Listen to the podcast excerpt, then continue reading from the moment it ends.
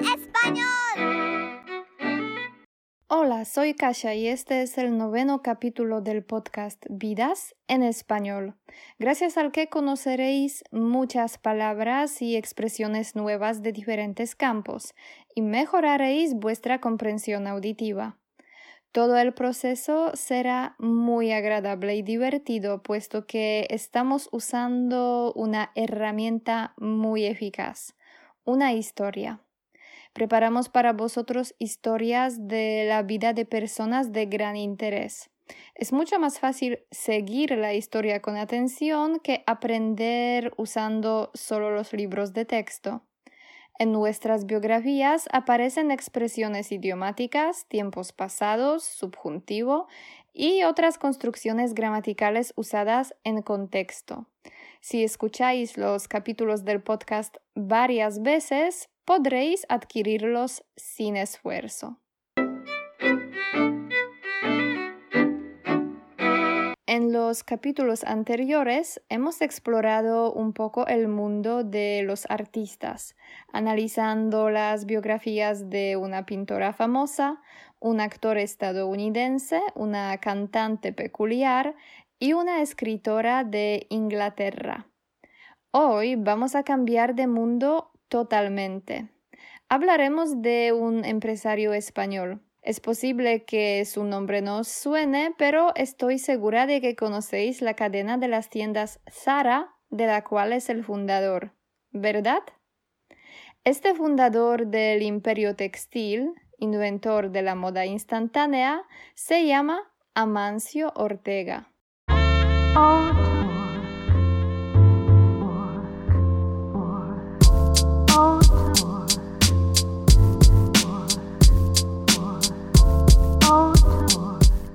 Confesar que para decidir quién debería ser el siguiente protagonista del podcast, no estaba segura si Amancio Ortega sería una buena elección. Es que existen opiniones diferentes sobre él. Algunos lo admiran y otros no le pueden ver ni en pintura, porque, como dicen, explota a sus trabajadores. Al final decidí presentaros su historia, principalmente porque creo que la vida no es ni blanca ni negra. No se puede decir que alguien es una persona mala o buena porque ha dicho o hecho algo ya que muchas cosas dependen de las circunstancias y del contexto económico, social, emocional, sea lo que sea. Por eso intentaré no juzgar al protagonista de este podcast. Voy a contar la historia de Amancio Ortega y su compañía, tratando de proporcionar todas las informaciones relevantes. Y al final, cada oyente podrá formar su propia opinión. ¿De acuerdo?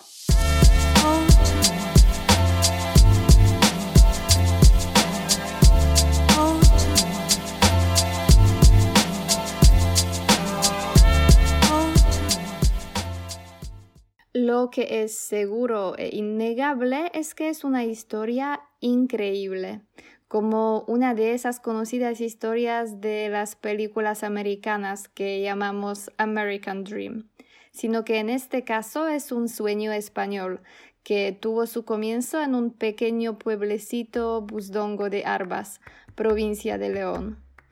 Ahí, el 28 de marzo de 1936, nació Amancio Ortega Gaona.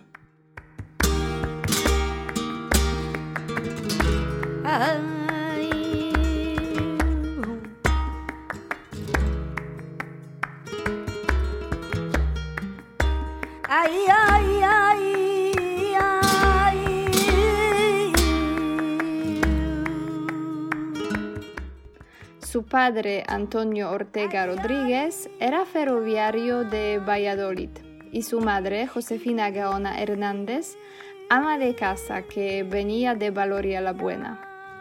Amancio tenía un hermano mayor, Antonio, y una hermana, Pepita. Él era el Benjamín de la casa. Tres meses después de nacer Amancio, la familia se trasladó a Tolosa, una pequeña ciudad situada cerca de San Sebastián, porque su padre fue designado jefe de la estación.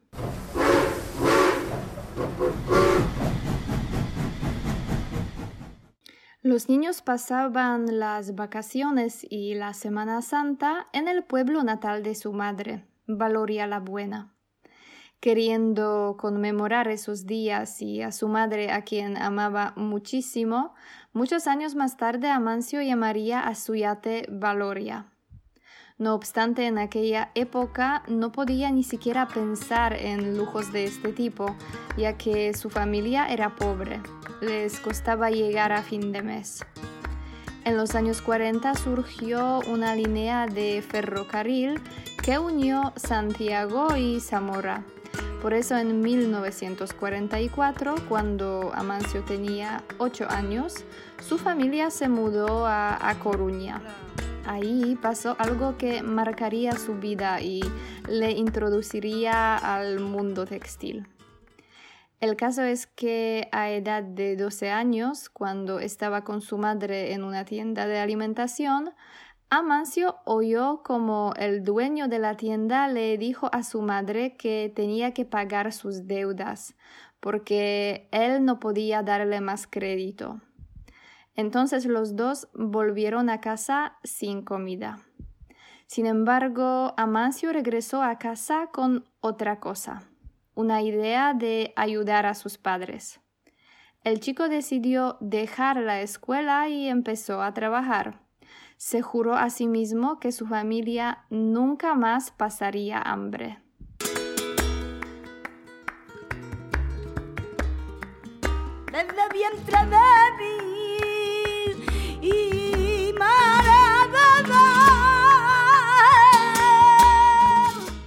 ¿Dónde comenzó su carrera profesional?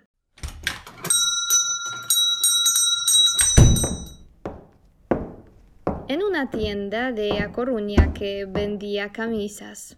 Trabajaba ahí como ayudante de dependiente. Después trabajó en la mercería La Maja. Era una empresa más grande con varios departamentos. Ahí trabajaban también sus hermanos. Resultó que Amancio era una persona emprendedora y trabajadora, por eso le ascendieron. Recibió el puesto de manager. En su puesto anterior le sustituyó una chica de 16 años, Rosalía Mera Goyenechea, su futura mujer. Los dos se casaron dos años más tarde.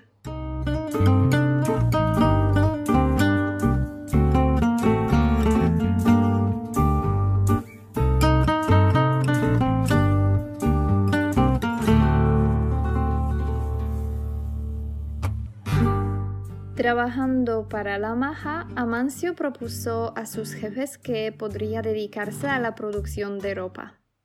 Los efectos fueron maravillosos, entonces Amancio dejó su puesto de manager y dedicó todo su tiempo a la producción. En aquella época entabló contactos con fabricantes de tejidos de Cataluña que le ofrecían atractivos descuentos. Logró también reunir un gran grupo de clientes. En 1963, junto con sus hermanos y su mujer, decidió marcharse de la maja para montar su propio negocio, Confecciones Goa. El nombre de la compañía son sus iniciales en sentido inverso. Al principio contaban con un capital de 2.500 pesetas que hoy sería menos de 20 euros. Esta primera empresa de Amancio Ortega fabricaba batas. Las cosían por las noches su mujer, su cuñada y él en casa de su hermano. Las batas se vendían como pan vendido. El negocio fue creciendo y los productos de Goa pronto llegaron a las tiendas de toda la región e incluso eran exportados a otros países de Europa. Unos años más tarde, Amancio organizó también el abastecimiento y distribución. Incluso contrataría a un grupo de diseñadores. Sin embargo, Amancio Ortega no dejaba de pensar en formas de desarrollar su negocio. Quería crear una tienda de ropa donde el factor más importante fuera el cliente. Por eso en 1975 abrió en una de las calles principales de A Coruña la primera tienda de Sara.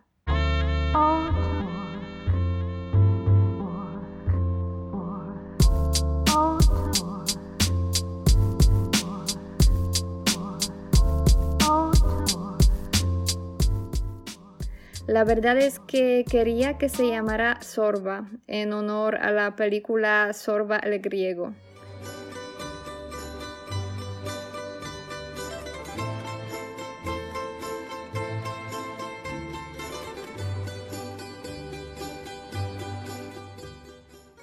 Pero resultó que un restaurante de la ciudad usaba ese nombre. Entonces la cambió por Sara. En aquel entonces Amancio trabajaba como un burro. Bebía los vientos por desarrollar la marca y extender su alcance a toda Galicia.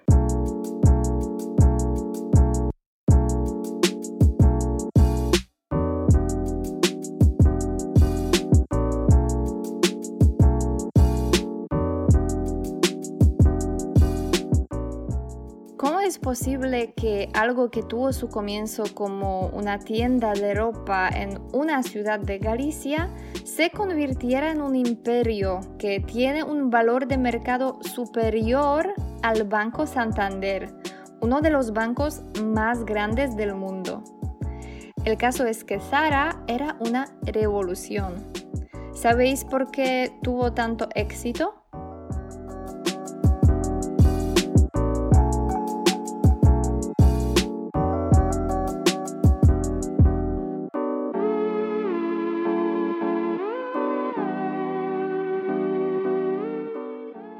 Primero, Sara limita al máximo el número de intermediarios. Trata de controlar todo el proceso, los proyectos, la producción, la distribución, la venta, todo. Otras empresas del sector textil no lo hacen. Por ejemplo, HM y Gap crean diseños y venden la ropa, pero no se ocupan de la producción. Y Sara lo hace todo. En general podemos decir que ellos no quieren externalizar ningunos servicios. Sara tiene también un sistema de control, una base de datos increíble. El sistema sabe, por ejemplo, qué prendas de ropa han vendido las tiendas en todo el mundo hace un minuto y emite una orden al almacén para que se le pongan. Gracias a todos los datos que se recogen, el sistema puede calcular, entre otros, la cantidad de diferentes tallas necesitadas en cada tienda, ya que el porcentaje de personas con sobrepeso varía y también lo tiene en cuenta. El emporio incluso supervisa aspectos como el nivel de concentración de CO2 en sus tiendas y recibe información inmediata si a alguien se le olvida apagar las luces o el aire acondicionado por la noche. El sistema hace posible que todo sea centralizado, hasta la música que se oye en la tienda o las imágenes que aparecen en las enormes pantallas.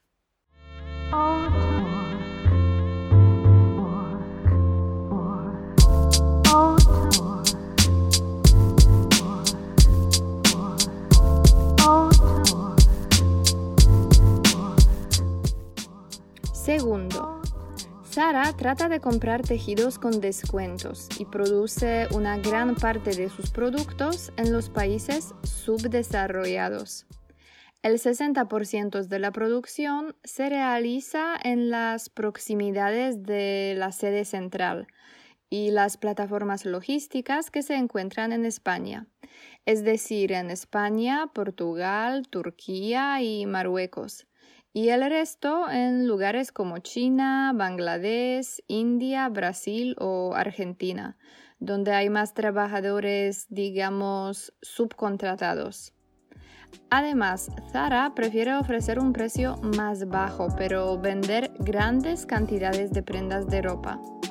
Eso constituye una parte de la filosofía de Amancio, que quería dar la oportunidad a la gente corriente, que no tiene mucho dinero, de vestirse bien y comprar ropa de buena calidad que no cueste un ojo de la cara.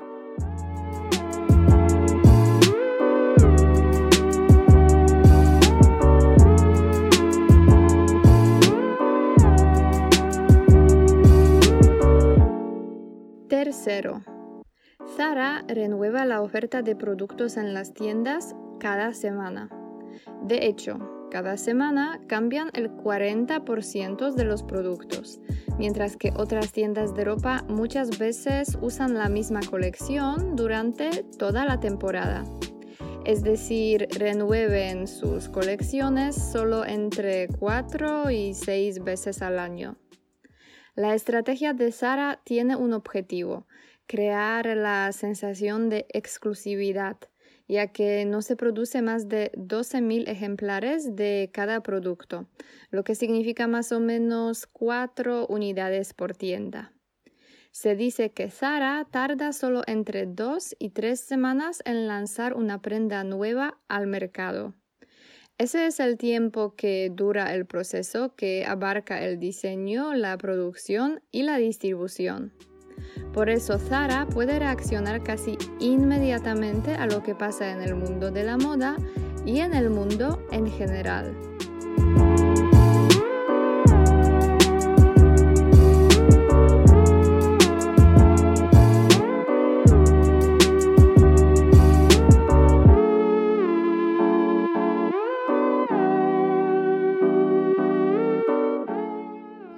Autora del libro dedicado a Amancio Ortega y su imperio, Covadonga O'Shea, cuenta la historia de su visita en Nueva York en 2001. Fue uno de los primeros días de septiembre y las tiendas estaban llenas de prendas de ropa de colores vivos que estaban de moda en aquella temporada. El 11 de septiembre los terroristas destruyeron las torres de World Trade Center y provocaron la muerte de muchísimas personas. Entonces los estadounidenses no querían comprar la ropa de colores llamativos. Zara fue capaz de ajustar su oferta a las nuevas condiciones. Llenó sus tiendas americanas con ropa oscura, con un estilo más serio. Ahora veis que los procesos rápidos pueden ser muy útiles, reportan grandes beneficios y posibilitan dar sopas con onda a los competidores.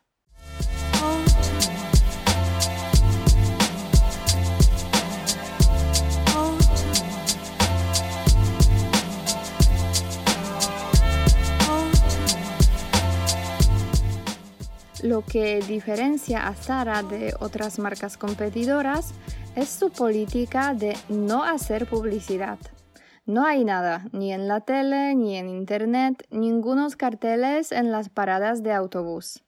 Zara prefiere invertir en abrir tiendas en las calles más importantes de diferentes ciudades. Una estrategia muy original, ¿no?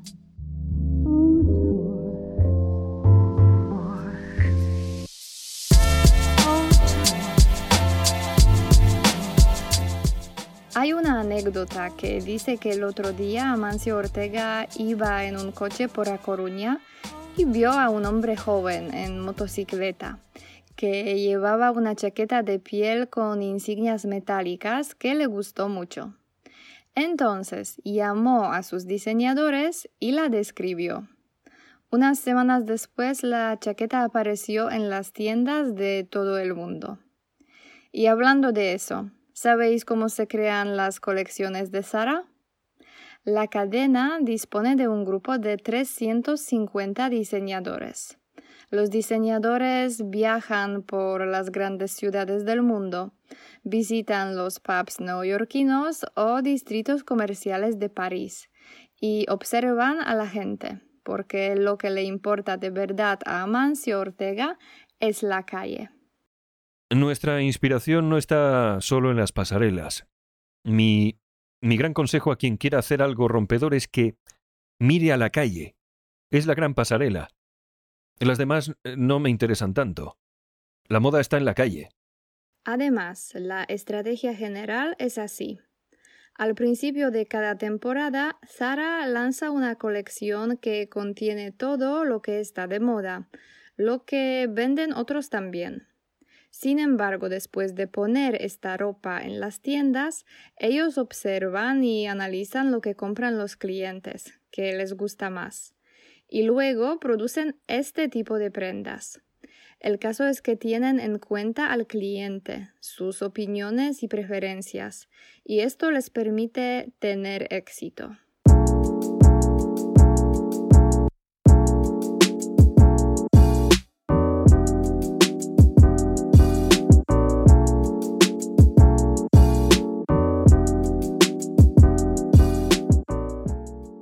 Volvamos a la historia del imperio de la moda de Amancio Ortega.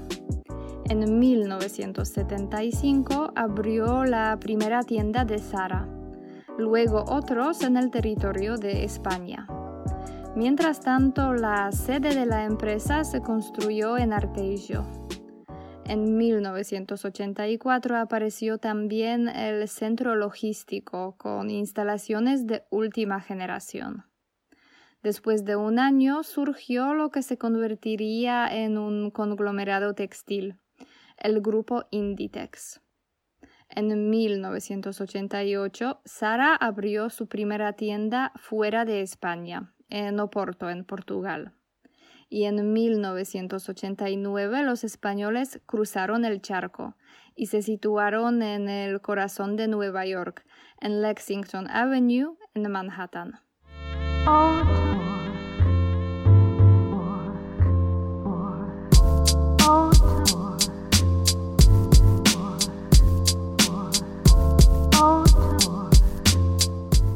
Los productos de Sara están dirigidos en general a las mujeres de clase media, de 30 y tantos años o más. Sin embargo, a Amancio Ortega no le gusta limitarse. Por eso, en los años 90 creó la marca Pull and Bear, con prendas de ropa para la gente joven, menores de 25 años. Incorporó a Inditex también a Massimo Dutti. En 1998 nació otra marca, Bershka. Es un concepto para las chicas adolescentes. En el mercado funcionaba ya Stradivarius, una marca parecida a Bershka.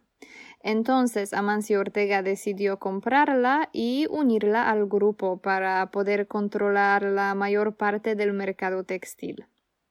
Eso tuvo lugar a finales del siglo XX y Sara en aquella época tenía sus tiendas en Francia, México, Grecia, Bélgica, Suecia, Malta, Chipre, Noruega, Israel, Argentina, Emiratos Árabes Unidos, Japón, Kuwait, Líbano, Reino Unido, Turquía, Venezuela, Alemania, Arabia Saudí, Bahrein, Brasil, Canadá, Chile, Holanda, Polonia y Uruguay. Impresionante, ¿no?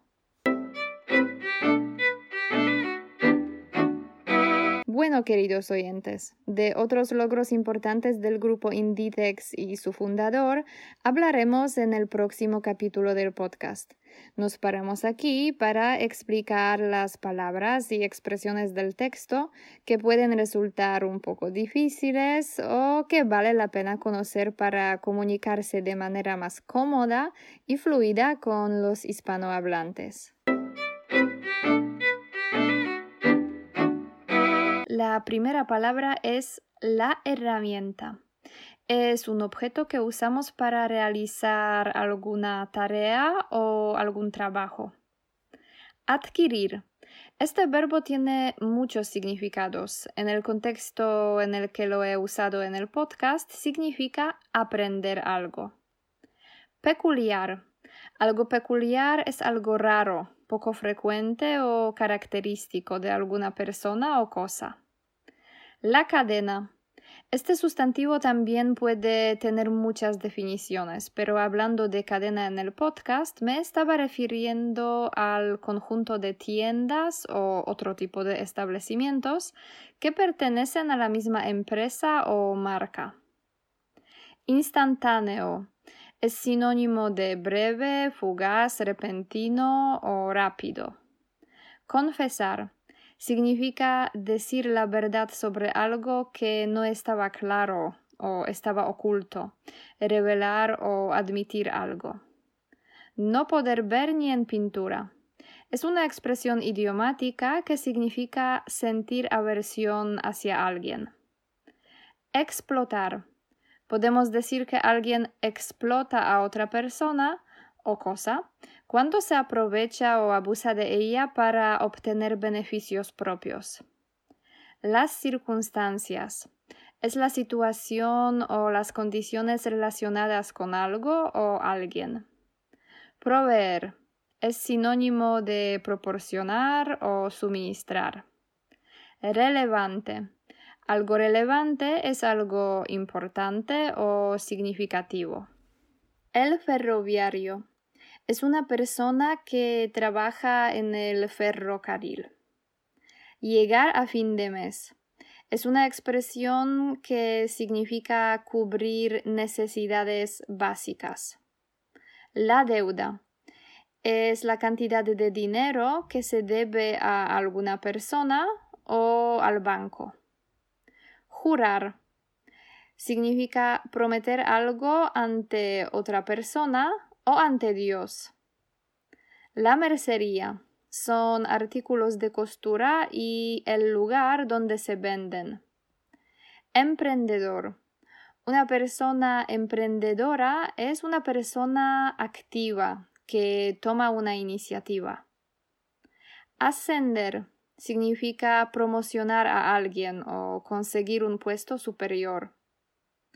Entablar significa empezar algo, por ejemplo, una relación, conversación o amistad. La bata es una prenda de ropa que se lleva en casa o un uniforme de trabajo.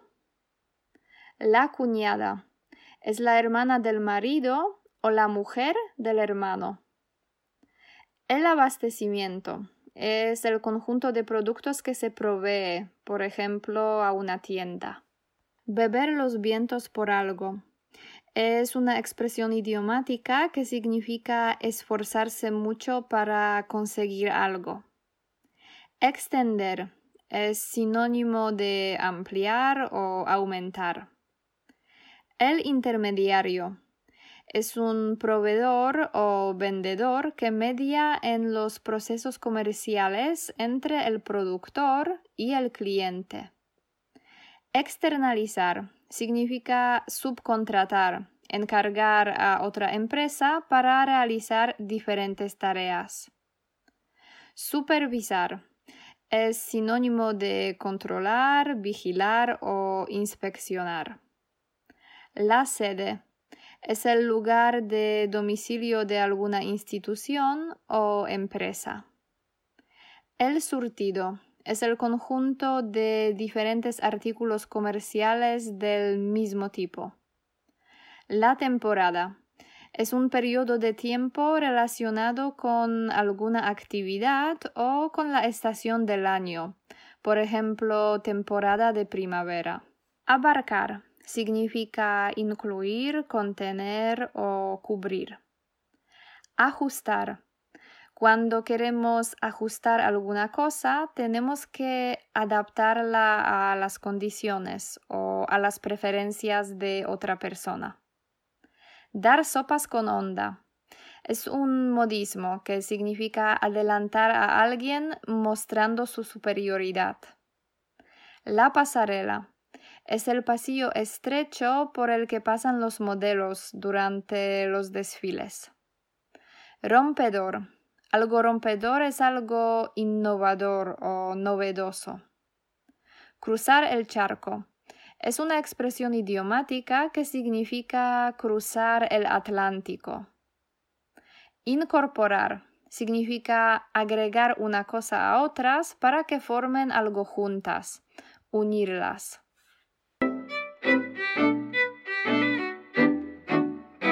Bueno, son todas las palabras de mi lista. Ahora os toca a vosotros dedicar un poco tiempo para buscar las palabras.